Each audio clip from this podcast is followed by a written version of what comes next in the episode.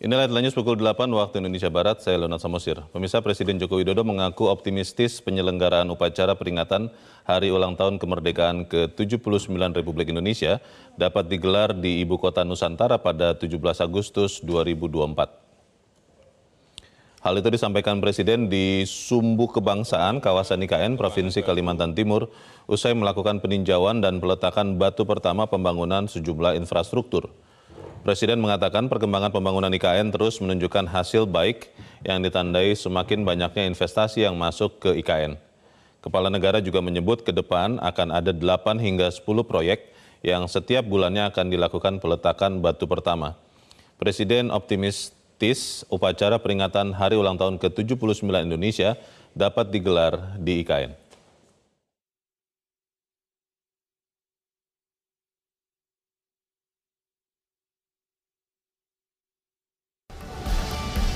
Bagus.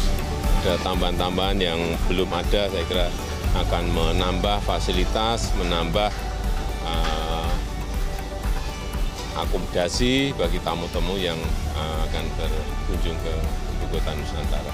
Dan saya uh, uh, optimis insya Allah di 17 Agustus 2024 kita akan bisa melakukan upacara Hari Kemerdekaan Republik Indonesia di Ibu Kota Nusantara.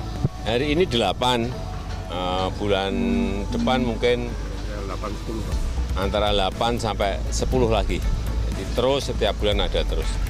Karena memang sebetulnya yang antri banyak hanya kan perlu juga diverifikasi, perlu disaring agar sesuai dengan kebutuhan yang ada di Ibu Kota Nusantara. Jelajahi cara baru mendapatkan informasi. Download Metro TV Extend sekarang.